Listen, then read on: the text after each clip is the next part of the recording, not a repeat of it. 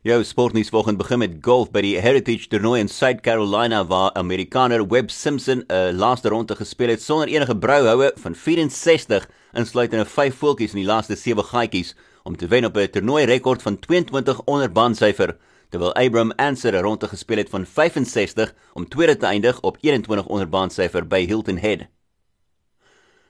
Grigor Dimitrov het aangekondig dat hy positief getoets het vir die koronavirus nadat hy onttrek het uit 'n tentoonstellingstoernooi wat ook vir wêreldnommer 1 Novak Djokovic insluit.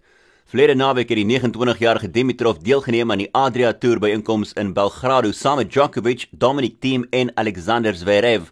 Hy het ook deelgeneem aan die tweede been Saterdag in Zadar in Kroasie, maar hy het onttrek nadat hy positief getoets het En later op die dag is die eindstryd tussen Djokovic en Rusland se Andrei Rublev onmiddellik gekanselleer as voorsorgmaatreël.